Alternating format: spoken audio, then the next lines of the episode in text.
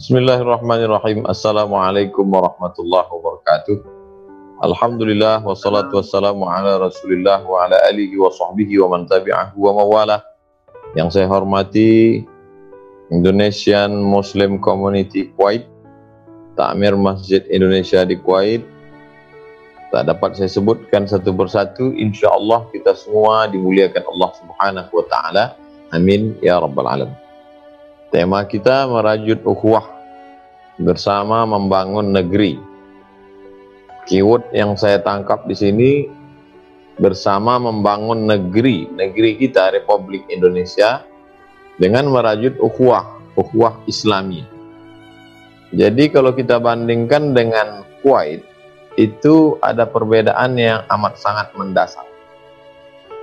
Kalau negara itu besar, disebut dia dengan Al-Mamlakah kerajaan Al-Mamlakah Al-Arabiyah As-Saudiyah kerajaan Arab Saudi Kingdom of Saudi Arabia. Tapi kalau dia tidak terlalu besar biasanya disebut dengan sultanah seperti sultanati Oman atau seperti Kesultanan Brunei Darussalam kecil. Atau disebut juga dengan imarah atau keemiran yang biasanya dipimpin oleh Amir seperti Amir Bahrain dipimpin oleh Amir. Kalau beberapa keemiran ini bersatu maka disatukan imarah menjadi imarat seperti Uni Emirat Arab. Jadi mereka adalah negara-negara yang kecil-kecil sekali. Qatar dipimpin oleh Amir Qatar, Amir Bahrain, Kuwait, kemudian Imarat, kemudian eh, Saudi Arabia. Nah, berbeda dengan kita Republik Indonesia. Republik Indonesia ini kebalikannya. Kalau mereka dulu sebuah negara yang besar, setelah 1924 jatuh Turki Utsmani, maka negara ini menjadi negara kecil-kecil. Bahkan ada negaranya yang tidak sampai penduduknya sejuta ketika itu, cuma ratusan ribu. Sedangkan Republik Indonesia berbeda. Indonesia ini dari ujung Sumatera, itu kalau kita hitung, kalau kita kira, kalau kita hitung, di ujung Sumatera itu ada kerajaan Samudra Pasai, Aceh. Banda Aceh sekarang. Turun ke bawah, itu kerajaan Melayu Langkat. Sekarang Kabupaten Langkat. Turun ke bawah, kerajaan Delhi.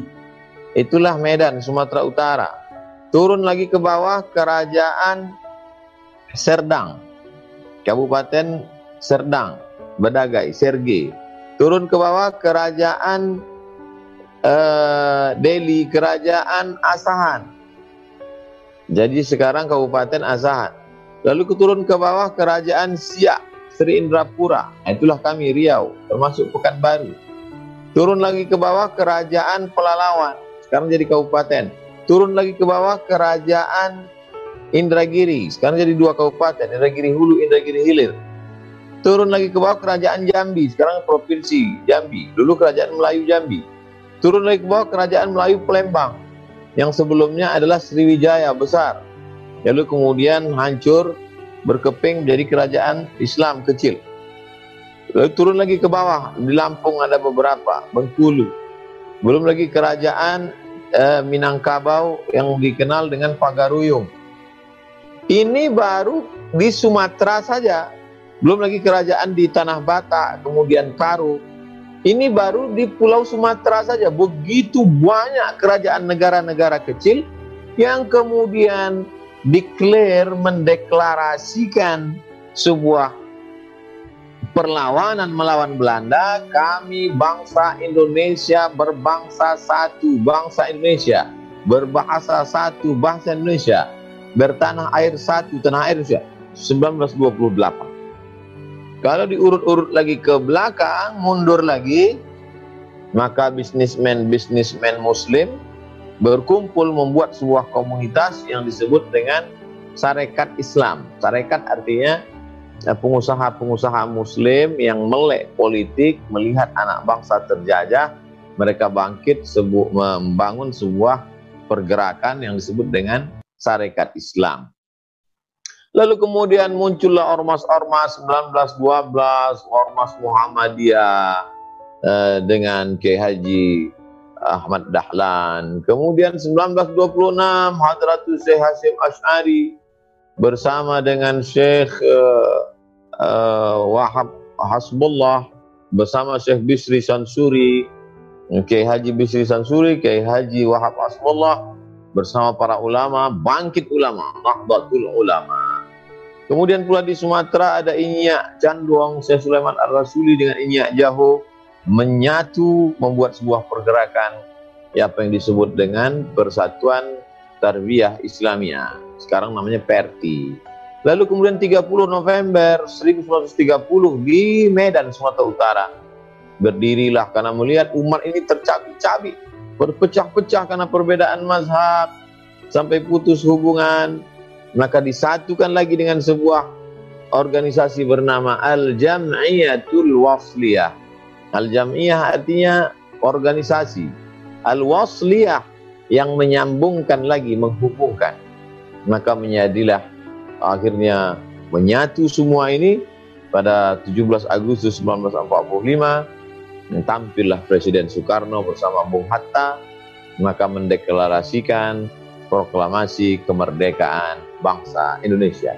Dengan halangan rintangan yang luar biasa datang Belanda datang uh, sekutu datang pula Jepang yang pura-pura seperti menolong ternyata musuh dalam selimut Datang pula merongrong dari dalam komunis, revolusi komunis yang luar biasa 19 uh, Muso, uh, lalu kemudian pemberontakan Muso, lalu kemudian pemberontakan G30 SPKI, tapi Indonesia luar biasa. Oleh sebab itu, kalau dikaitkan antara merajut ukhuwah bersama membangun negeri, maka kita sebagai mayoritas yang paling bertanggung jawab terhadap persatuan dan kesatuan bangsa Indonesia.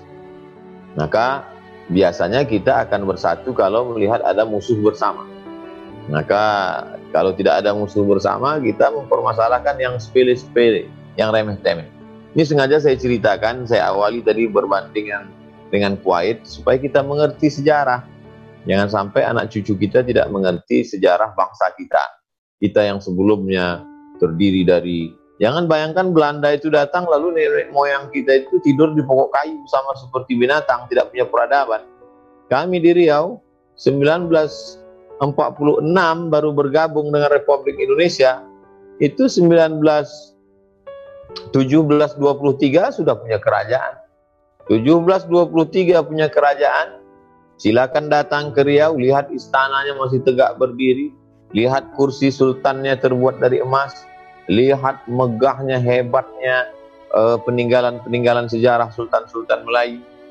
Tapi kemudian dengan legowo karena cinta kepada bangsa Indonesia akhirnya 13 juta gulden emas Sultan Sarif Kasim Sultan Melayu Siak terakhir menyerahkannya kepada Presiden Soekarno untuk perjuangan bangsa Indonesia. Lalu kemudian berdaulat cinta tanah air jadi kita mengalahkan ego kesukuan, ego uh, kedaerahan demi untuk menjaga membangun negeri bersama yaitu bernama Negara Kesatuan Republik Indonesia ini. Oleh sebab itu ini cerita kisah ini mesti kita rawat riwayatkan ke anak-anak kita. Kalau tidak nanti akan terjadi disintegrasi bangsa. Karena kita punya suku yang luar biasa ada suku di Jawa saja ada suku Jawa, ada suku uh, Sunda, ada Banten dan lain suku-suku kecil lainnya.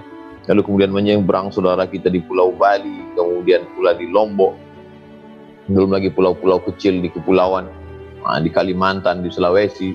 Uh, di samping suku begitu banyak, bahasa juga begitu kaya, agama juga multi etnis, multi suku, multi agama, ditambah lagi alam kita yang memang tidak menyatu beda dengan Afrika. Afrika memang banyak suku, banyak bahasa, tapi alamnya satu. Tanahnya itu satu. Kita ini dari Pulau Sumatera menyeberang ke Kalimantan, menyeberang ke Sulawesi. Jadi kalau tidak dikuatkan hati, tidak dijalin ukhuwah Islamiyah persaudaraan, kita bisa tercabik-cabik. Maka A'udzubillahi wa'tasimu bihablillah. Berpegang teguhlah dengan tali Allah, Al-Qur'an, sunnah, Islam. Wala tafarraqu, jangan bercerai-berai. Wadhkuru ni'matallahi 'alaikum, ingatlah nikmat Allah kepada kamu id kuntum a'daan ketika dulu bermusuhan. Fa'allafa baina qulubikum lalu di, dikaitkan Allah hati disatukan Allah. Wa asbahtum bi ni'matihi ikhwana. Lalu kemudian kita menjadi bersaudara. Wa kuntum ala syafa hufratin. Ingat dulu kita di jurang bibir neraka, hampir masuk neraka. Fa anqadhakum minha. Lalu kemudian Allah menyelamatkan kita. Kadzalika yubayyinullahu lakum ayatihi la'allakum tahtadun. Demikianlah Allah mengingatkan supaya kita mendapatkan hidayah. Setelah kita bisa bersaudara, dipersaudarakan oleh agama la ilaha illallah Muhammad Rasulullah, yang tidak muslim kita dipersaudarakan oleh negara kesatuan Republik Indonesia dasar negara Pancasila Undang-Undang Dasar 1945 lalu kemudian kita pun bisa melihat ke depan apa yang bisa kita lakukan sebagai bangsa yang besar kita dulu bangsa besar luar biasa Presiden Soekarno ketika datang ke Maroko disambut sampai ada satu jalan di Rabat itu tempat saya kuliah dulu Syari Ahmad Soekarno disambut oleh Raja Hasan II tahun 60. Presiden Soekarno menggunting pita. Rakyat Maroko meneriakkan yel-yel, FIFA Bandung, FIFA Bandung. Karena waktu itu luar biasa pengaruh dari konferensi Asia Afrika yang ada di Bandung. Jadi kita dulu kalau dulu ada dua blok barat, blok timur, barat Amerika, timur dengan Uni Soviet, sekarang Uni Soviet sudah tumbang. Maka kita sebagai bangsa yang besar, apalagi di tengah komunitas muslim, negeri terbesar muslim di dunia, dengan jamaah umrah terbanyak di dunia. Apa kontribusi yang bisa kita lakukan terhadap perjuangan saudara kita di Palestina? Apa yang bisa kita buat terhadap saudara kita yang tertindas di Rohingya? Apa hanya cukup sekedar doa pada saat sholat Jumat Allahumma ansur ikhwanal mujahidina fi Falastin wansur ikhwanal mazlumina fi Rohingya wa fi kulli makan min masyariqil ardi ila magharibiha tolong saudara kami yang tertindas tak cukup hanya demikian mana gerakan-gerakan moral gerakan-gerakan politik gerakan-gerakan ekonomi. Oleh sebab itu kita tidak lagi memandang eh, khilafiyah remeh temeh masalah usoli enggak usoli masalah kunut enggak kunut masalah tasyahud jarinya goyang atau enggak. Masalah ini semua adalah uh, sudah dikaji oleh para ulama dulu dalam kitab perbedaan-perbedaan masalah fikih. Tapi yang paling terpenting di antara semuanya adalah kita sadar bahwa kita bangsa yang besar, kita sadar bahwa kita mudah tercabik-cabik, kita sadar kita mudah mengalami disintegrasi, dan kita sadar kita sudah bersatu bersama, kita jaga ukhuwah ini. Kalau kita sebangsa setanah air namanya ukhuwah wataniyah. Bagi yang sesama muslim namanya ukhuwah islamiyah bagi yang tidak satu negara tidak sama-sama Islam namanya ukhuwah insaniyah sama-sama manusia kalau kita sadari ini kita bisa bersama dan yang membuat kita bisa bersama itu bahwa kita menyadari kita berasal dari asal yang sama. Hina berada di tempat yang sama dunia akan mati masuk ke lubang yang sama lubang tanah dan nanti akan dibangkitkan di padang mahsyar menghadap Tuhan yang sama Allah. Pada saat itu yang kita bawa hanyalah amal. Jadi dalam rangka beramal ini tidak bisa sendirian, kita mesti beramal bersama. Watawal bil haq, watawal bis sabr. Saling nasihat menasihati dalam kebenaran, saling nasihat menasihati dalam kesabaran. Maka saya amat sangat senang karena bisa dilibatkan dalam Indonesian Muslim Community Kuwait. Kemudian pula yang menyatukan itu masjid, Masjid Indonesia di Kuwait. Maka peradaban Islam itu dibangun dari masjid Masjid ini ada dindingnya, ada tiangnya, ada atapnya. Maka bangunan ini kalau berserakan dia tidak mempan apa-apa. Tapi ketika ada dinding, ada tiang, ada atap, ada lantai bisa menjadi kesatuan. Di sana bernaung umat, mendekatkan diri kepada Allah, maka bisa membangun peradaban yang luar biasa. Peradaban Islam berdasarkan peradaban masjid. Masjid adalah sujud. Orang yang sujud merendahkan dirinya di hadapan Allah, saat itu Allah akan angkat derajat. Tapi begitu manusia sudah mulai angku dan sombong, maka nahu asfala safirin. Kami jatuhkan dia pada level yang paling rendah. paling tak berharga, paling tak bernilai di hadapan Allah Subhanahu wa taala. Cara kita menjaga persatuan dan kesatuan ini kembali ke masjid, back to mosque. Mari makmurkan masjid dengan salat berjamaah. Tidak bisa ikuti protokol kesehatan. Tetap jaga jarak, tetap pakai masker. Tapi yang namanya persatuan, kesatuan jangan sampai hilang. Setelah itu apa yang bisa kita buat program-program di masjid? Kajian mendalamkan keyakinan. Akidahnya al-sunnah wal jamaah. Fikihnya dengan tetap mengamalkan fikih mazhab syafi'i dan menghormati mazhab-mazhab lain karena ini juga bagian dari ahlu sunnah wal jamaah. Akhlak tetap dijaga. Ada perbedaan dalam fikih, ada perbedaan dalam akidah furu, ada perbedaan dalam ijtihad. Tapi dalam masalah akhlak kita sama-sama karena kita adalah orang-orang yang melihat manusia itu sebagai diri kita sendiri. La talmizu anfusakum jangan hina orang. Karena berarti menghina orang berarti menghina diri sendiri mencaci maki ayah orang berarti mencaci maki ayah dan ibu kita sendiri. Menuduh orang kafir, kalau dia tidak kafir, berarti kafir itu akan kembali kepada yang menuduh. Nah, oleh sebab itu kalau ini bisa kita jaga, hablum minallah di masjid, hablum nas sosial, baitullah dibangun masjid, baitul mal, uang, materi juga dijaga, maka insya Allah kita akan kembali menjadi bangsa yang kuat, dihormati, dibanggakan. Indonesia tetap menjadi baldatun thayyibatun wa rabbun ghafur. Indonesia menjadi negeri muslim terbesar di dunia yang dihormati dan disegani. Itu adalah cita-cita setiap anak bangsa. Saya kira sebagai pengantar dialog kita petang ini, saya sudah jelaskan dari masa perjuangan sampai saat ini, apa-apa saja yang membuat kita bersatu dan apa perjuangan kita untuk tetap bersatu. Merajut ukhuwah bersama membangun negeri Indonesia baldatun thayyibatun wa rabbun.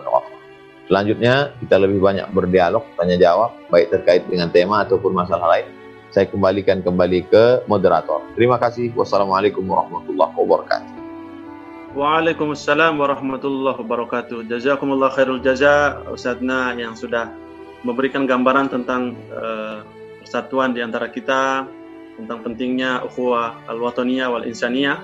Mudah-mudahan kita bisa amalkan dan juga kita bisa uh, dialog pada siang hari ini. Insya Allah waktunya uh, masih ada dengan Ustadz kita.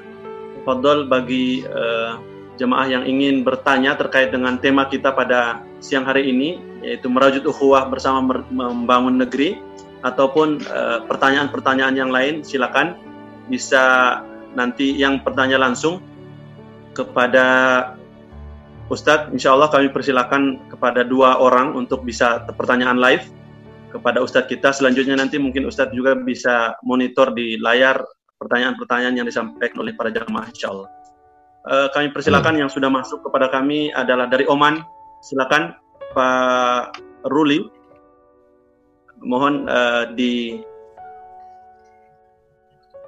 unmute. Silakan dari Oman, Pak. Baik, Assalamualaikum warahmatullahi wabarakatuh.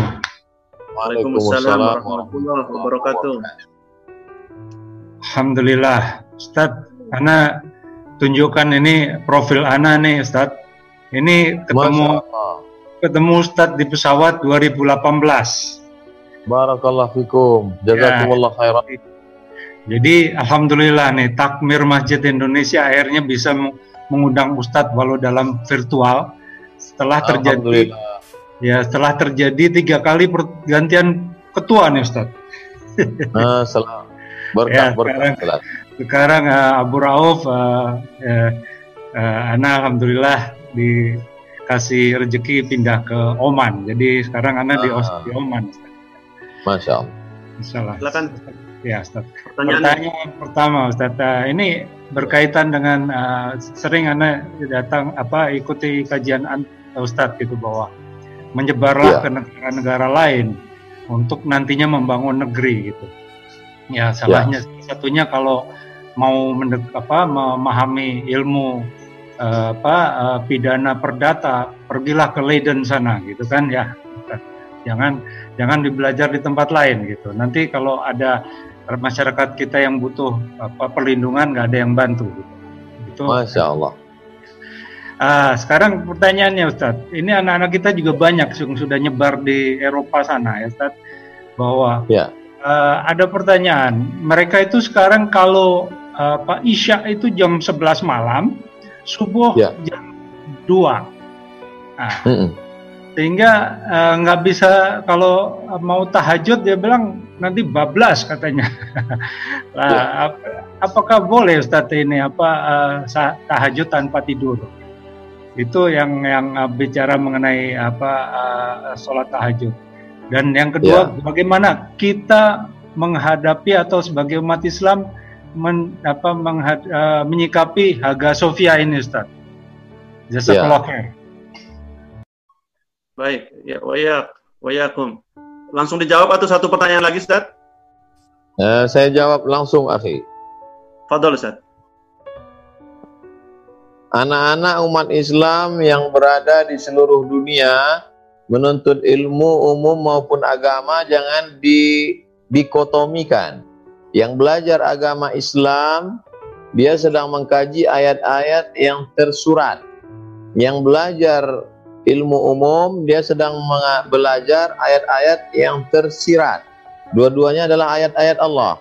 Mereka yang belajar hukum di dan Belanda, mereka akan kembali membangun Indonesia menjelaskan di mana keliru dan salah karena mereka yang mengerti. Tapi hatinya tetaplah la ilaha illallah Muhammadur Rasulullah. Prinsip hidupnya adalah menebarkan keadilan rahmatan lil alamin, bukan menjadi orang yang sektarian. Bukan, militannya militan untuk menebarkan kebaikan. Lalu dalam masa pendidikan mengambil pelajaran hidup itu mereka berbeda kultur dan budaya, mereka mesti punya protek kekuatan iman, ibadahnya mesti kuat. Lalu kemudian terkait dengan kesulitan untuk melaksanakan tahajud karena mesti tidur dulu, maka kalau pakai tidur dulu namanya tahajud. Kalau enggak pakai tidur namanya qiyamul lail. Intinya malam itu mesti diisi dengan bersifat sujud kepada Allah. Baik pakai tidur dulu ataupun tidak, maka dia sudah melaksanakan ibadah. Tahajud artinya lawan ngantuk. Kalau nggak ada ngantuknya, nggak ada tidurnya, namanya qiyamul lail. Kalau dia sulit sholat isya karena terlalu pendek menjelang subuh, maka dia bangun satu jam sebelum subuh untuk sholat isya. Dalam mazhab syafi'i, sholat isya itu waktunya berakhir sampai menjelang sampai azan subuh. Jadi kalau dia bangun satu jam sebelum sholat subuh, Begitu bangun dia sholat sunat wudhu, habis itu sholat isya, setelah itu sholat ba'diyah isya, habis itu baru dia sholat tahajud, setelah itu dia sholat witir, duduk berzikir, wabil asharihum yastaghfirun, menjelang subuh bagus banyak-banyak istighfar. Setelah itu barulah kalau dia mau puasa makan sahur, setelah itu barulah sholat subuh. Qabliyah subuh jangan sampai tinggal. Rakaat al-fajri khairum minad dunya wa ma fiha. Qabliyah subuh lebih baik daripada dunia dan seisi. Ini tentang tahajud tanpa tidur. Sikap kita terhadap Hagia Sophia, maka saya menukil pendapat ulama besar namanya Syekh Said Faudah. Saya bacakan uh, Syekh Said Faudah. Saya bacakan, saya terjemahkan.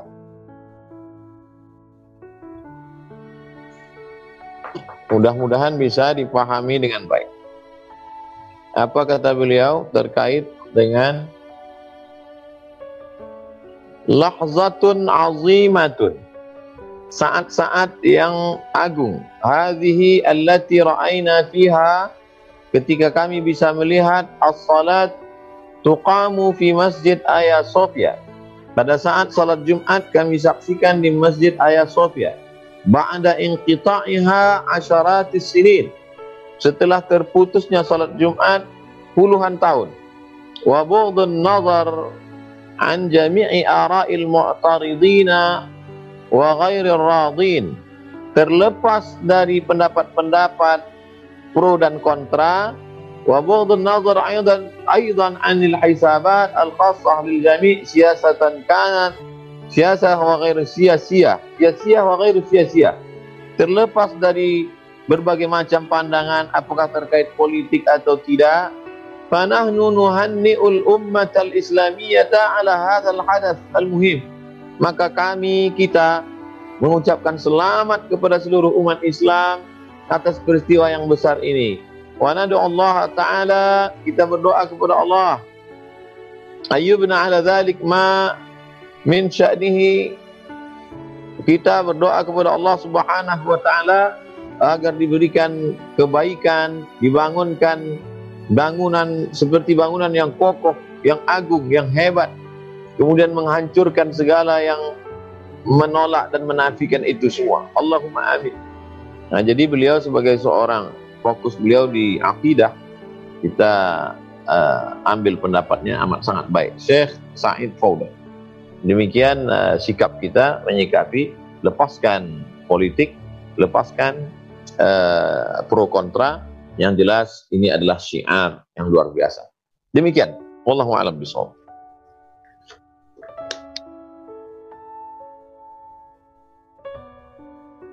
Jazakumullah khair Ustaz.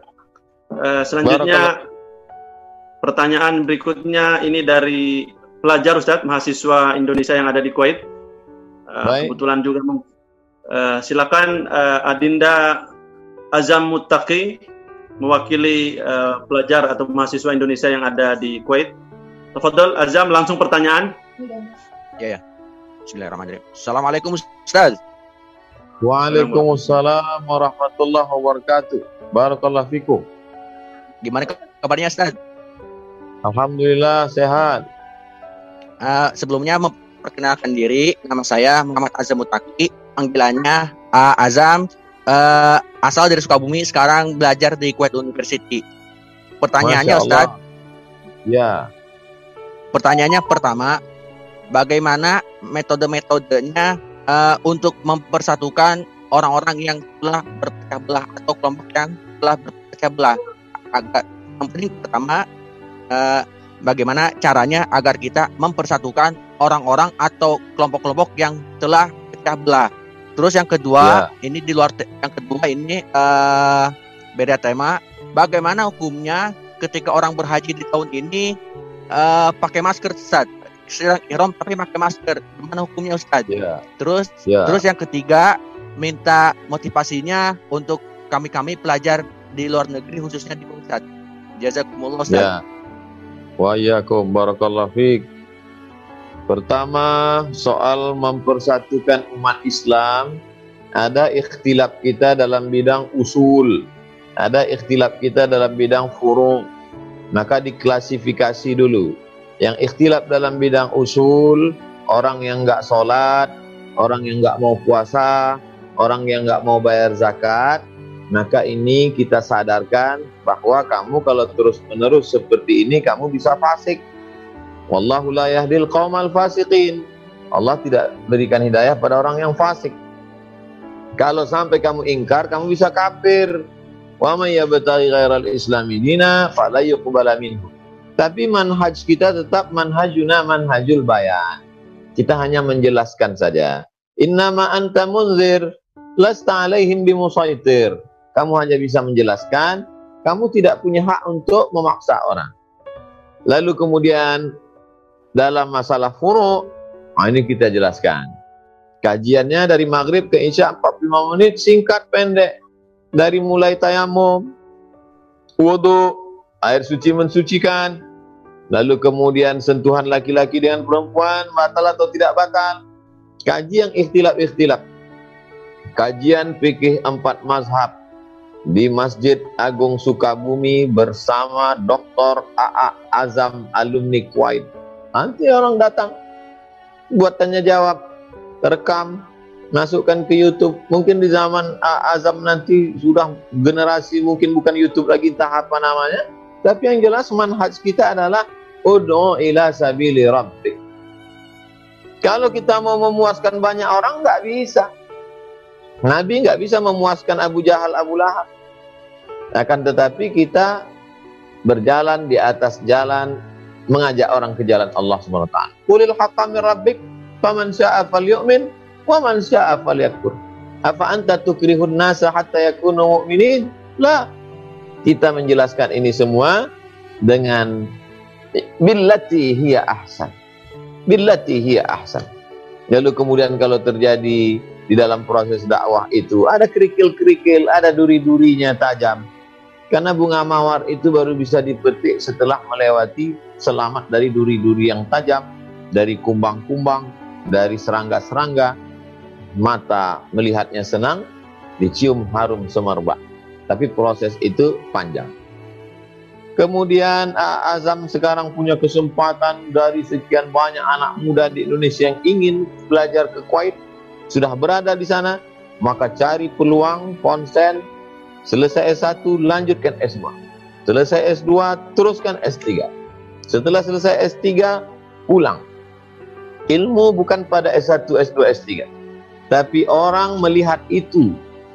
Kalau nanti mengajar di pasca sarjana, Tentu orang tidak tahu apa yang ada di kepala Azam.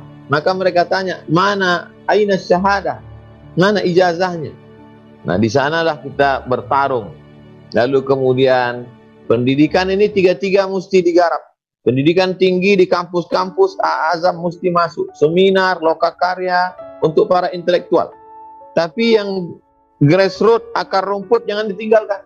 Pengajian emak-emak milenial pengajian anak-anak muda juga masuk ke bawah. Jangan mentang-mentang udah di kampus nggak mau ke bawah lagi. Dari atas ke bawah. Yang pertengahan ini adalah masa mengambang. Yang tidak jelas. Ke mana air kencang, arus itu diikut. Maka itu juga digarap. Komunitas-komunitas. Nah ini semua. Kita mati, generasi saya berakhir, muncul generasi A Azam Generasi azam pun yang sekarang sedang hijau nanti akan menguning, akan mekar, akan layu kemudian mati. Muncul generasi berikutnya.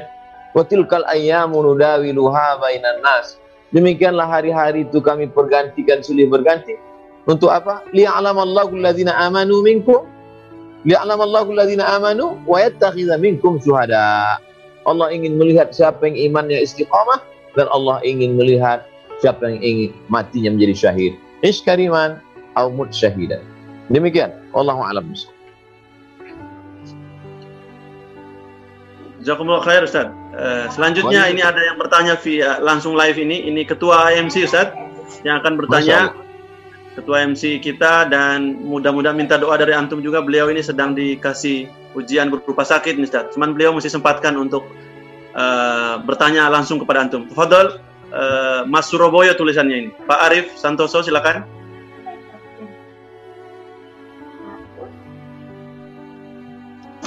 Assalamualaikum warahmatullahi wabarakatuh. Waalaikumsalam warahmatullahi wabarakatuh. Jazakumullah khairan Ustaz. Uh, semangat atas kehadirannya. Ya. Uh, mohon maaf kalau suara saya agak kurang jelas. Semoga lekas sembuh, barokah, sehat. Amin. Amin. Ya Amin. Uh, saya langsung aja bertanya Ustadz, sesuai ya. dengan uh, judul dan tema yang kita bahas hari ini, ya. saya itu mempunyai pengharapan atau ya, harapan yang sangat besar. Mudah-mudahan dimohon uh, nasihat atau solusi mungkin dari Ustadz, bagaimana cara merajut ukhuwah di antara kita umat Islam ini baik di Kuwait maupun di Indonesia agar bisa bersatu yang itu tampaknya uh, apa uh, dengan mungkin dulu dengan perbedaan pilihan-pilihan politik dan lain-lain menyebabkan hati kita ini jadi seperti terpisah-pisah gitu. Nah ini bagaimana caranya menurut Ustadz supaya kita bisa bersatu kembali gitu Ustaz. Mungkin begitu aja Ustaz. Assalamualaikum. Baik, terima kasih. Pertanyaannya umum, maka saya saya menjawab secara umum.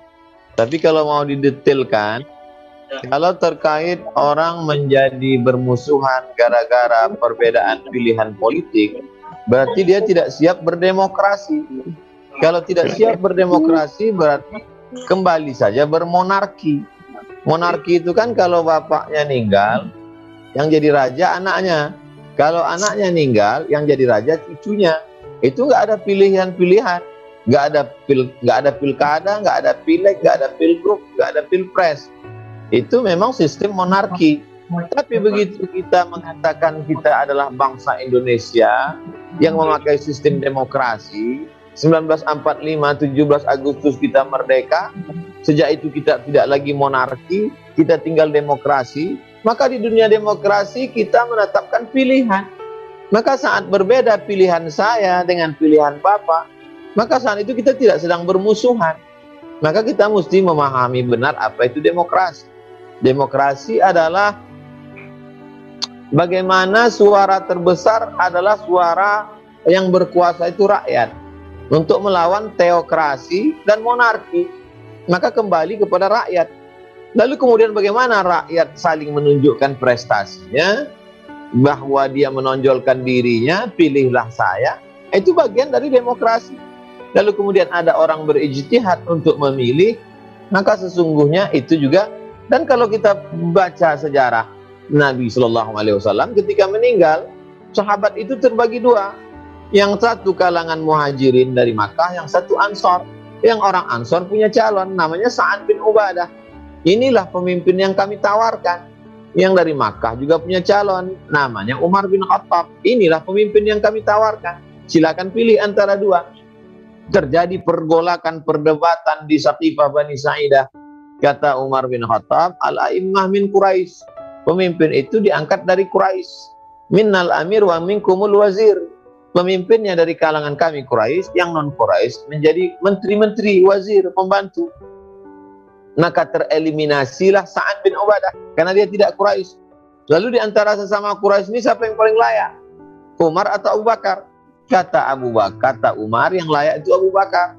Karena ketika Nabi sakit yang diminta jadi imam sholat itu Abu Bakar. Lalu kemudian mereka bersepakat untuk membaiat Sayyidina Ali ikut, Sayyidina Utsman ikut, sahabat semuanya membaiat Abu Bakar sebagai khalifah kepemimpinan. Jadi masalah berbeda pilihan itu sebagai sesuatu yang biasa, manusiawi, baik dilihat dari sejarah Islam maupun dilihat dari demokrasi. Dan kita berada di sini. Maka umat ini mesti dipahamkan. Ini sebagai proses. Ini nanti 2020 ini berapa lagi pemilihan bupati, wali kota, gubernur 2024 nanti pilihan lagi bupati, wali kota, gubernur, DPD, DPR RI, DPRD provinsi, DPRD kabupaten kota. Jadi kalau umat ini tidak siap dengan beda pilihan dalam demokrasi, maka akan terjadi luar biasa uh, menggunakan buzzer, lalu kemudian isu-isu, akhirnya habislah energi untuk ini. Untuk isu telepon aja udah berapa hari habis pulsa paket Gimana kita mau memikirkan sekolah gratis? Gimana kita mau memikirkan nanti kalau generasi AA Azam pulang nanti uh, kita siapkan tanah wakaf? Gimana kita menyiapkan pondok pesantren? Itu yang mesti kita pikirkan. Bukan menghabiskan energi untuk isu-isu yang tidak bermanfaat. Bisa kacau negeri kita.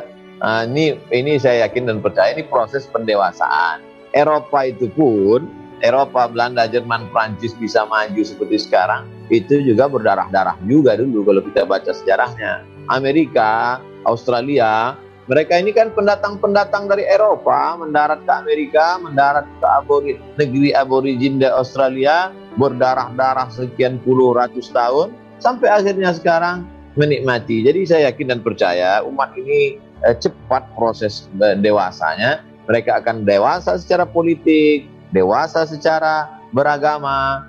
Dan kita memang dari dulu sudah terbentuk dengan biasa. Saya sendiri berteman dengan kawan dari berbagai macam suku, agama. Maka insya Allah eh, ke depan kita melihat eh, positif-positif. Saya kira demikian. Wallahualam. Jazakumullah khair jaza nasihatnya Ustaz. Uh, insya Allah dua pertanyaan yang masih live ini Ustaz. Uh, nanti selanjutnya saya akan bacakan beberapa pertanyaan di ruang chat. Yang selanjutnya Baik. pertanyaan dari Habibna Ustadz Haidar. Beliau alumni Kuwait University juga saat yang saat ini sudah pulang ke tanah air, mengabdi untuk tanah air. Tafadhol Ustadzna Habibna Ustadz Abdul Ahmad Abdul Haidar. Ahlan. Assalamualaikum warahmatullahi wabarakatuh. Waalaikumsalam warahmatullahi wabarakatuh. Maulana, alhamdulillah ala kulli hal. الحمد لله. متعنا برؤيتكم وبلقائكم. نتشرف ونتبرك بكم لا حول ولا قوة البركة فيكم إن شاء الله يا مولانا. فيكم البركة. آه العفو منكم. أنا أسأل سؤال عن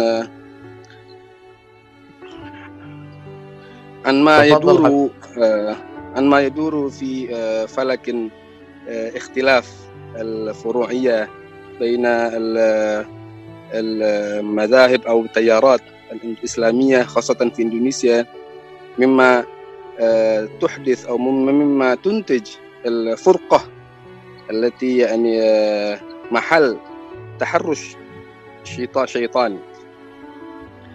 Jadi memang uh, Afwan uh, kita melihat bahwa di Indonesia ini sangat majemuk masyarakatnya dan daripada aliran-aliran di Indonesia itu aliran-aliran semuanya insya Allah sunni karena mengatakan dalam falakun sunni aslan karena uh, kalau syiah mungkin kita sudah berbeda akidah berbeda uh, uh, usul. Tapi dalam masalah furu'iyah ini kadang ada namanya uh, ikhtilafun had mimma yuhdith yakni tabdi' fi ma bainan nas. Ada yang jadi gara-gara masalah furu'iyah ini jadi orang itu beberapa firqah atau beberapa aliran atau beberapa musammayat minal majmu'ah minan nas atau minal uh, minal madhahib itu uh, yatarawmauna fima bainahum bitakfir atau bitabdi' atau bisyirk. Uh, jadi antara mereka itu melempar sesuatu dengan masalah-masalah uh, furu'i sehingga yang terjadi adalah uh, furqah atau uh, perpecahan antara umat sehingga tidak bisa diajak ber uh, atau diajak untuk ukhuwah bahkan. Karena susahnya itu mereka atau beberapa uh, mazahib atau beberapa uh, uh, istilahnya uh, furqah al firqah firqah ini firq ini jadi kita ini masalah karena masalah intinya adalah ar-ru'yah atau pandangan kita kepada masalah-masalah fikih atau masalah-masalah usul atau masalah akidah ini ter apa namanya tercampur aduk. Sehingga tidak ada titik temunya antara ahli sunnah wal jamaah. Apa kira-kira kiat-kiat kita Ustadz untuk uh, untuk menyambungkan dan juga mengajak untuk dialog secara uh, insani, secara maftuh ilmi. Sehingga ada namanya uh, titik temu yang bisa membuat kita ini lebih kuat, lebih solid dalam Indonesia. Dan memang uh, kita ini Indonesia kan Rasulullah SAW mengatakan salah salasu man jama'ahunna faqad jama'al iman al-insafu 'ala al-haq al-infaq wal iqtar wal badlus salam fima bainahum. Jadi ada masalah-masalah yang insaf al-haq ini belum bisa kita apa namanya? Apa kira-kira kiat-kiat kita Ustadz? dalam menghadapi masalah-masalah seperti ini gitu. Jazakumullah khair. Assalamualaikum warahmatullahi wabarakatuh. Waalaikumsalam warahmatullahi wabarakatuh. Habibana Al-Habib Haidar, hafizahullah, nafa'ana Allah bi ghaziri ulumihi wa bi husni adabihi wa lutfihi. Ruwiya fi Sunan Tirmidzi diriwayatkan dalam kitab Jami' At-Tirmidzi, inna syaitan qad ya'isa an ya'budahul musallun setan sudah putus asa untuk menggoda orang yang sholat. Jadi kalau orang sudah sholat, silaturahim, itu setan sudah putus asa. Walakin akan tetapi dia goda dari pintu yang lain bitahrish yaitu menanamkan permusuhan di dalam hati orang-orang yang sholat itu. Nah, akhirnya mewajibkan yang tidak wajib, yang khilafiah diangkat-angkat, Lalu kemudian ayat-ayat yang mestinya untuk orang musyrik dipakai untuk orang beriman. Karena Abdul Somad itu tawasulan, maulidan, barzanjian, maka mubtadi kalau begitu dia adalah pelaku bid'ah. Wa kullu dolalah wa kullu dolalatin finnar. Maka semua yang mendengarkan ceramahnya juga masuk neraka. Subscriber, subscriber, follower, viewernya juga masuk neraka.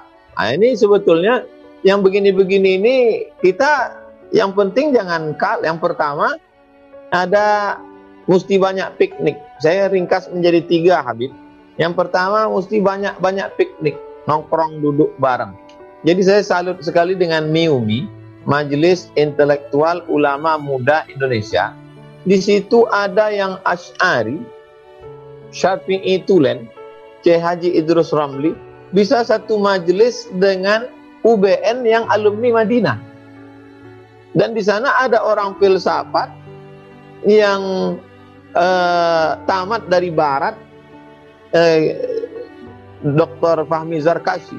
Jadi saya lihat di sana ada orang Muhammadiyah, Ustadz Fahmi Salim. Jadi ada di sana Muhammadiyah, ada alumni Gontor, ada yang uh, Nahdlatul Ulama, ada. Oh, tapi semuanya punya mus, punya uh, mad'u ke objek dakwah yang sama memang untuk uh, liberalisme, sekularisme, uh, kafirisme dan lain-lain sebagainya. Uh, Syiah mempertahankan ahlu sunnah wal jamaah. Saya amat sangat setuju dengan pernyataan Habib Haidar tadi bahwa beliau pengamatannya ikhtilaf itu yang saya garis bawahi tadi ikhtilaf antara kita ini masih dalam satu ahlu sunnah wal jamaah itu ada perekatnya. Ini yang pertama. Yang kedua, yang kedua itu adalah kita menjelaskan dalil. Nah itu. Jadi ketika datang tuduhan, nah, Ash'ari ini paktil. Oh, ini dalilnya. Ash'ari Maturidi adalah sunnah wal jamaah. Sehingga ketika kita sodorkan dalil, kita sodorkan uh, fakta, maka insya Allah yang pertama, mesti sering-sering silaturahim antar tokoh ini yang kedua, kemukakan dalil kul hatu burhanakum in kuntum. Yang terakhir yang ketiga, memang yang bisa menyatukan kita ini adalah mukhlishina lahuddin. Kalau yang nasyun tekstualis dengan irfaniun yang mengandalkan kepada ilham dengan akliyun yang rasionalis mempertahankan argumennya masing-masing tapi mereka bisa bertemu dalam satu titik yaitu titik mukhlisina lahum. Saya yakin saya pun dengan uh, Habib Haidar uh, sama-sama ahlu sunnah wal jamaah tapi dalam beberapa hal mungkin ada perbedaan tapi kenapa kita bisa berkasih sayang karena Allah karena kita melihat ada beberapa persamaan ada titik-titik temu di antara kita nata'awan fi mattafaqna wa natafaham wa nata'adzar fi makhtalafna pada hal-hal yang kita sepakati mari kita bekerja sama pada hal-hal uh, yang kita berbeda, mari kita berlapang dada menerima perbedaan. Ilallahi marji'ukum jami'an, kepada Allah semuanya akan kembali. Fayunabbi'ukum bima kuntum fihi takhtalifun. Nanti ketika berhadapan dengan Allah itulah baru Allah jelaskan sejelas-jelasnya tentang masalah-masalah yang kita pertikaikan itu. Dan sementara itu ya sabar-sabar aja dulu, jangan provokasi orang, jangan ajak orang untuk bermusuhan, tapi kita tebarkan dengan cinta dan kasih sayang. Pandanglah orang itu dengan pandangan abi ainir rahmah. Memandang mereka dengan pandangan kasih sayang menyelamatkan dari kemusyrikan menyelamatkan dari kekafiran menyelamatkan dari uh, hasad dengki membawa kepada jalan Allah Subhanahu wa taala demikian habibana wallahu a'lam bishawab Jazakallah khair Ustaz. Insyaallah uh, minta waktu kesediaan waktunya nih Ustaz ya untuk uh, jawab pertanyaan-pertanyaan jamaah ini. Uh, satu, satu satu lagi pertanyaan uh, live ini Ustaz. Ini uh, muasis uh, Tamir Masjid Indonesia di Kuwait yang uh, bisa langsung bertanya kepada kita uh, Abu Rafa atau uh, Alex Syafi'i yang ingin bertanya secara langsung. Tafadhol. Assalamualaikum Ustaz. Waalaikumsalam. Barakallahu fiikum wa jazakumul khair ala waktikum. Alhamdulillah. Sebenarnya mungkin sudah terjawab tadi pertanyaan kita dengan pertanyaan Ustadz Haidar, ya kan? Alhamdulillah Baik. takmir masjid kita di Kuwait ini sudah apa eh, melaksanakan apa yang Ustadz Somad tadi katakan. Kita ada daurah-daurah, uh, alhamdulillah kita ada daurah fikih tiap Jumat, uh, fikih Syafi'i matan Abu Suja. Kemudian kita juga undang-undang Ustadz dari Indonesia, uh, salah satunya yaitu Ustadz Somad, alhamdulillah Eh, kita dahulu ada juga kedatangan Ustadz Syafiq ke Riza Basalamah, Ustadz Budi Azhari, Ustadz Yusuf Mansur. Jadi kita mencoba takmir masjid kita ini untuk ke menimba ilmu dari semua semua sumber. Eh, kita tidak melihat dari backgroundnya itu dari mana. Eh, yang penting kita menimba ilmu selaku apa orang yang love house dengan ilmu agama. Alhamdulillah saat ini kedatangan Ustadz Somad di di Kuwait. Alhamdulillah.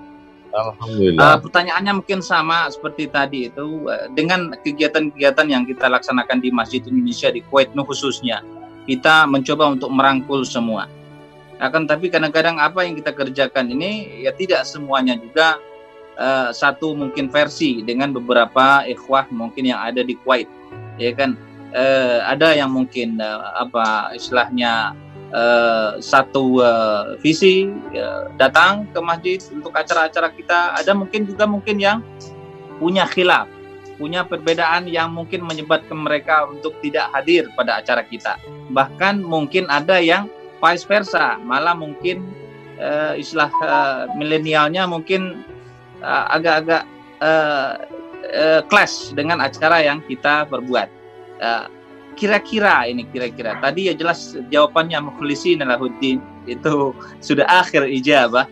Akan tapi kira-kira kiat-kiat kita ke depan apa kira-kira istilah selain dari mukhlisin lahuddin uh, dengan apa? Tambahan dari mukhlisin lahuddin supaya kegiatan kita di masjid ini insya Allah apa di uh, bisa merungkul dan merajut ukhuwah tadi seperti yang apa ditertera dalam dalam apa dalam banner kita ini. Itu aja Ustaz. Kita dari Lubuk Linggau ini dekat sama Ustaz insyaallah. Masya Allah. ya, ya. Jazakumullah khair.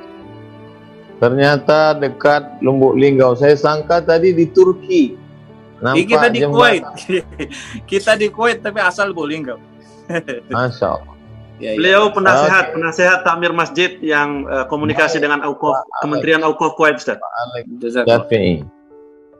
Kalau pengamatan saya, Pak Alek, itu pertama kita inventarisir di mana titik masalah.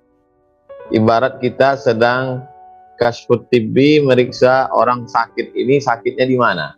Supaya jangan sampai dia sakit kepala kita kasih uh, obat mencret salah diagnosa.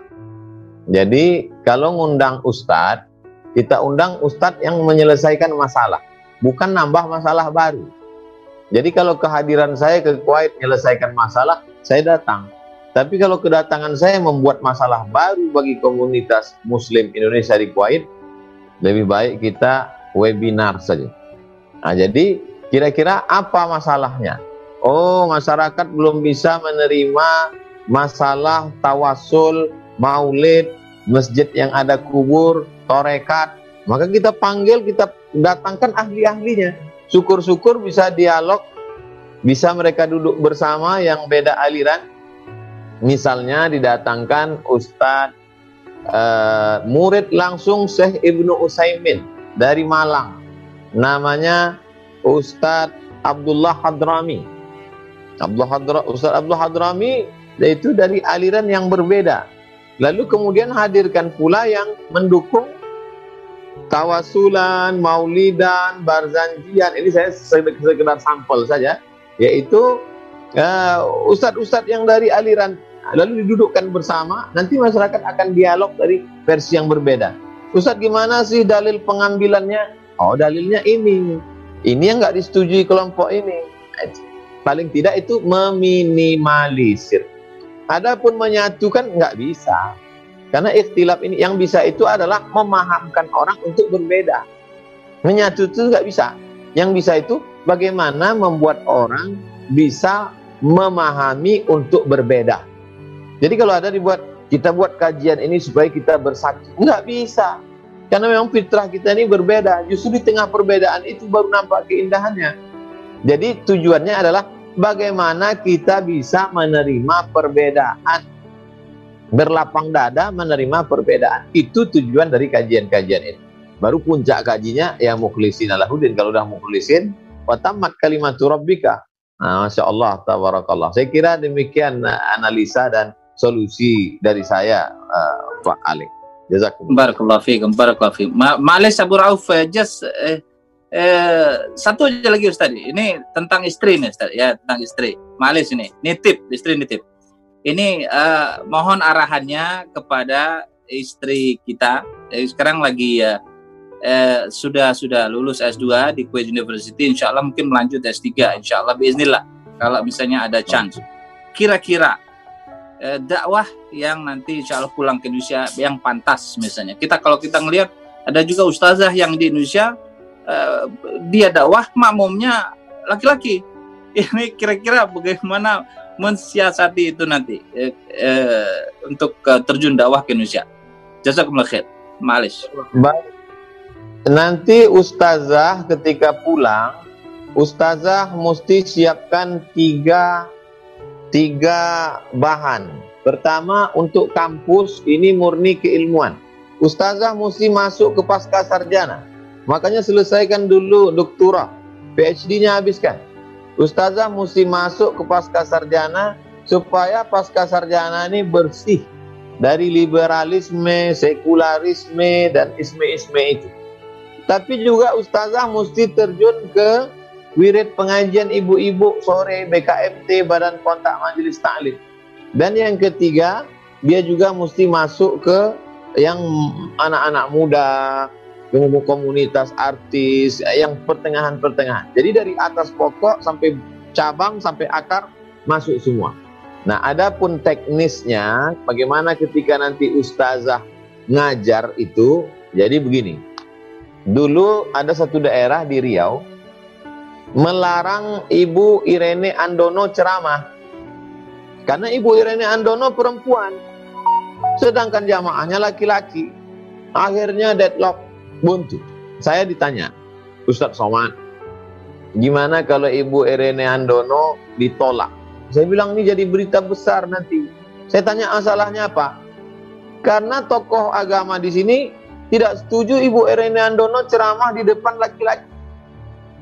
Lalu saya lihat di mana nanti akan dilaksanakan. Nih, laki-laki di depan, perempuan di belakang, Ibu Irene Andono bicara di depan laki-laki.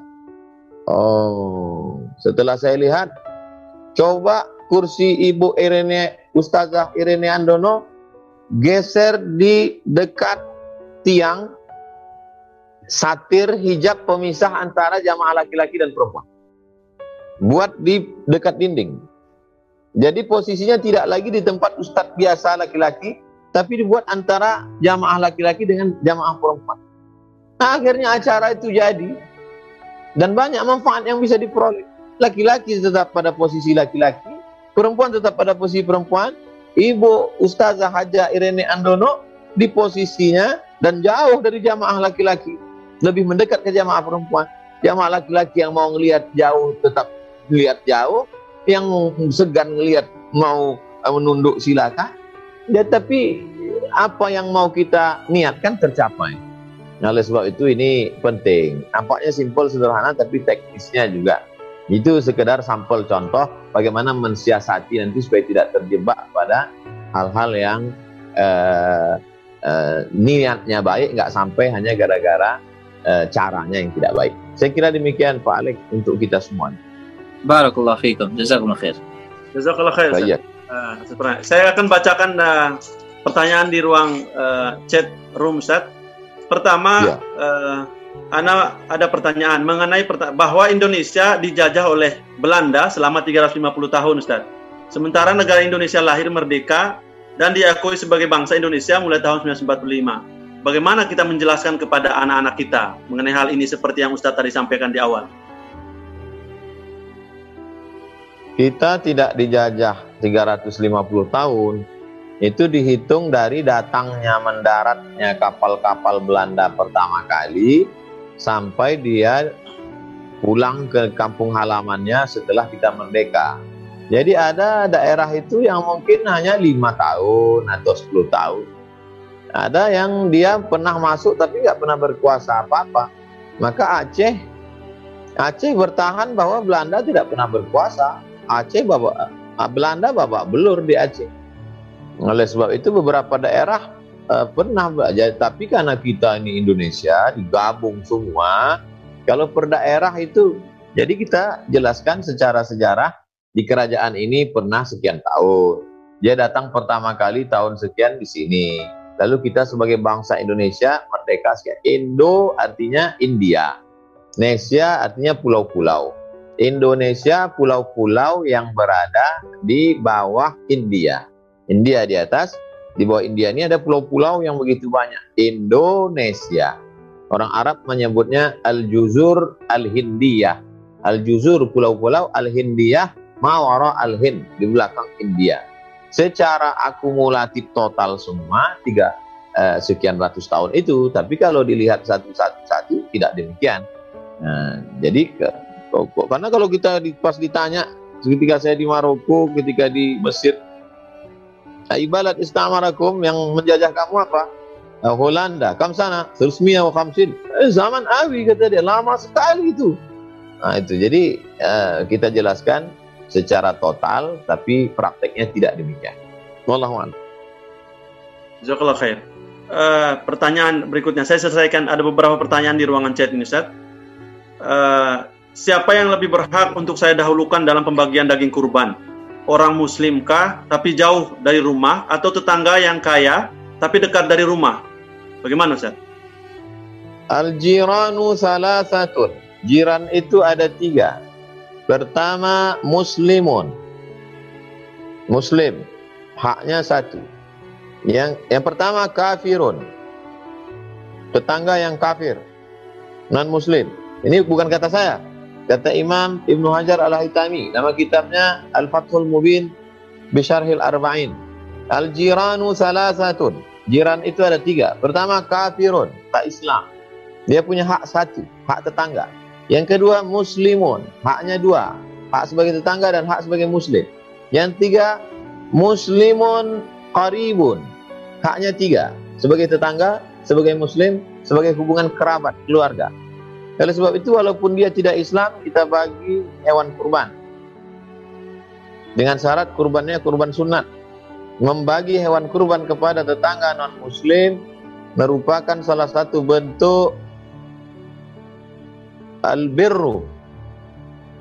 Birru kan untuk walidain kedua orang tua. Coba lihat ayatnya. Laisa la yanhaakumullahu 'anil ladzina lam yuqatilukum fid din wa lam yukhrijukum min diyarikum an tabarruhum. An tabarruhum. Kamu boleh berbuat baik pada mereka. Selama mereka tidak mengusir kamu dari kampung halamanmu mereka tidak membunuh kamu an tabarruhum. Berbuat baik kamu pada tetangga kamu yang non muslim wa tuqsitu ilaihim bersikap adil kamu kepada mereka. Nah, demikian tentang uh, tetangga non muslim tadi. Adapun muslim yang kaya maka sesungguhnya hewan kurban itu dibagi tiga. Sepertiga untuk ahli bait, keluarga, sepertiga untuk jiran tetangga, sepertiga untuk fakir miskin. Jadi semuanya bisa dapat. Nah, kalau sedua kilo yang ini nggak dapat, buat lebih kecil, sekilo-sekilo satu plastik. Yang penting semuanya dapat. Demikian. Wallahu a'lam bishawab. Jazakallah khair. Uh, terkait dengan kurban ini, Ustaz. Insya Allah kalau kita kurban di Indonesia, Lalu jam 8 waktu Indonesia di uh, kurban sudah disembeli. Sedangkan di Kuwait masih jam 4. Apakah kita sudah boleh potong kuku dan rambut sunnah-sunnah yang itu, Ustaz? Tentang masalah potong kuku dan rambut, itu dilihat matlak. Matlak artinya tempat terbit hilal di mana orang yang melakukan ibadah. Jadi kalau orang melakukan ibadahnya di Kuwait, maka dilihat matlak Kuwait. Jangan melakukan ibadah di Kuwait, lihat matlaknya. Matlak itu penampakan. Penampakan hilalnya dilihat di eh, waktunya dilihat di Indonesia, nggak bisa begitu. Jadi kalau kebetulan orang eh, Indonesia di Kuwait, maka dia kalau mau ikut sunnah tadi motong-motong itu ya pada tanggal 31 Juli mengikut waktu Kuwait. Hari Jumat pagi mengikut Kuwait. Dan saya jelaskan bahwa potong kuku dengan potong bulu badan itu eh, sifatnya sunat, bukan wajib. Jadi kalau ada orang yang motong kuku, motong bulu badan di 10 hari sebelum menyembelih itu, itu tidak merusak kurbannya. Karena bukan rukun, bukan syarat, bukan wajib. Sifatnya sunnah. Dilaksanakan baik. Wallahu a'lam. Baik Ustaz. Eh, mohon maaf ini Ustaz. Minta waktu sedikit ini. Ada beberapa pertanyaan ini. Apa hukum membeli kaplingan tanah kubur padahal kita nggak tahu di mana kita akan meninggal? Tentang menyiapkan tanah untuk kubur itu hukumnya mubah. Banyak dilakukan oleh para ulama dulu. Silakan baca kitab Ar-Risalah Al-Qusairiyah. Yang tidak boleh itu mewasiatkan saya mesti kubur di sini. Ternyata dia meninggalnya di tempat yang jauh. Saya membeli tanah lalu saya wakafkan. Kalau kebetulan aku mati di sini, tolong kuburkan aku di sini. Tapi kalau pas ceramah saya mati di Makassar atau di Papua, nggak perlu jenazah saya bawa naik pesawat ke situ karena memberatkan. Nah, jadi menyiapkan tanah kubur, tanah wakaf, hukumnya mubah. Yang tidak boleh itu mewasiatkan ke orang di mana pun aku mati nanti mesti bawa ke sini. Itu tidak betul. Wallahu alam. Baik Ustaz. Uh, ini Ustaz kami sudah diingatkan memang waktunya habis kita lewat ini Ustaz. Minta waktunya boleh Ustaz untuk menyelesaikan pertanyaan dua tiga pertanyaan ini Ustaz. Kira-kira memungkinkan? Ya. Ya, Afan Ustaz. Ya, baik. Jazakallah khair. Ini ada pertanyaan selanjutnya Ustaz. Umat hari ini bermacam-macam di antara uh, tidak ada yang kena apa? Di antara dia tidak kenal khilafah sampai ikut a priori dengan istilah khilafah atau khalifah begitu. Bagaimana kita bergerak untuk melakukan perbaikan umat? Yang kedua, batasan beramalah dengan orang yang berbeda pandangan politik. Uh, begitu Ustaz. Orang yang berbeda pandangan politik itu tidak kafir. Maka berbeda pandangan politik secara demokrasi memang diakui. Secara agama pun diakui itu kan ijtihad. Kita setelah melihat membaca berijtihad. Jadi biasa-biasa aja. Kita tetap bermuamalah. Sedangkan dengan berbeda akidah saja kita tetap boleh muamalah. Nabi meninggal Nabi ketika meninggal masih punya utang 30 sok gandum. Bajunya tergadai di tangan orang Yahudi. Beda akidah. Masa beda caleg aja kelahi? Beda akidah aja bisa bertetangga. Nabi dengan orang Kristen Najran itu beda akidah. Waktu orang Kristen Najran datang ke Madinah disambut oleh Nabi. Bukan dipancung kepalanya. Lalu kenapa karena beda pilihan lalu jadi caci maki bermusuhan? Itu kan demokrasi. Kita sudah pakai demokrasi secara total. Menjelaskan orang yang anti khalifah dan khilafah, ya bagi intelektual ya tulis buku. Dan saya banyak ceramah menjelaskan bahwa ketika Nabi meninggal digantikan oleh Abu Bakar. Abu Bakar meninggal digantikan oleh Umar. Umar meninggal digantikan oleh Sayyidina Ali. Ali meninggal digantikan oleh Sayyidina Utsman. Utsman meninggal digantikan oleh Sayyidina Ali. Kalau diganti setelah Ali meninggal digantikan oleh Sayyidina Hasan 6 bulan. Kalau di total semua Nabi dengan lima Abu Bakar, Umar, Utsman, Ali, Hasan ini semuanya 40 tahun. Dari perjalanan 40 tahun itulah digodok menjadi sebuah fikih yang disebut dengan fikih khilafah atau disebut juga dengan fikih siasah syariah atau disebut juga dengan fikih daulah. Kalau ikut Syekh Yusuf Qardawi namanya fikih daulah. Kalau ikut Ibnu Taimiyah namanya fikih siasah syariah. Kalau eh, fikih bahasa Indonesia yang ditulis oleh uh, Sulaiman Rasid namanya khilafah. Beberapa kitab disebut dengan khilafah. Jadi khilafah ini sebenarnya korban stigma. Tapi sebenarnya kalau orang punya otak, mau belajar, dia baca. Tapi kalau otaknya didengkul, uh, suka menelan isu, ya itu susah memang ngasih tahu orang yang Eh, kita jelaskan aja terus. Dua aja kemungkinan. Kalau kita capek, dia menang. Kalau dia capek, kita menang. Hidup ini gitu aja. Wallahu Baik, Ustaz. Baik. Dua pertanyaan terakhir. Dua pertanyaan terakhir, Ustaz. Uh, Ustaz. Apa bedanya korin, jin, dan setan? Bagaimana dengan mimpi dalam tidur? Apakah perlu dipercaya dan dilakukan jika ada petunjuk untuk melakukan sesuatu? Itu yang uh, terkait itu. Yang kedua, Ustadz, uh, masih kaitannya dengan tadi itu, yang jawaban antum barusan, berbicara tentang ukhuwah dan persatuan Ustaz. Betapa indah rasanya bisa hidup bersama, bersatu padu di bawah Pancasila dan Undang-Undang 45. Namun sekarang, mayoritas wakil rakyat berniat mengganti dan mengendalikan Ustaz. Bagaimana sikap kita sebagai seorang muslim tentang taat terhadap wa'atiullah wa'atiur rasul ulil amri minkum? Itu Ustaz, dua pertanyaan. Jazakumullah khair. Korin itu artinya selalu bersama. Mengapa dia disebut jin korin? Karena waktu kita lahir dia ikut. Nanti ketika kita mati dia masih hidup. Dia jin juga. Karena selalu bersama disebut dengan jin korin. Apa itu jin? Jin itu nama komunitasnya. Kalau kita manusia, kalau dia jin. Apa itu setan? Yang jahat-jahat namanya setan. Kalau yang baik-baik namanya jin Islam. In, buka surat Al-Jin juz 29. Inna minal muslimun wa minal qasitun. Nama komunitasnya jin. Induknya iblis. Yang baik-baik jin Islam. Yang jahat-jahat setan. Yang ikut nyertain kita korin. Saya ulang lagi. Nama komunitasnya jin. Yang baik-baik jin Islam.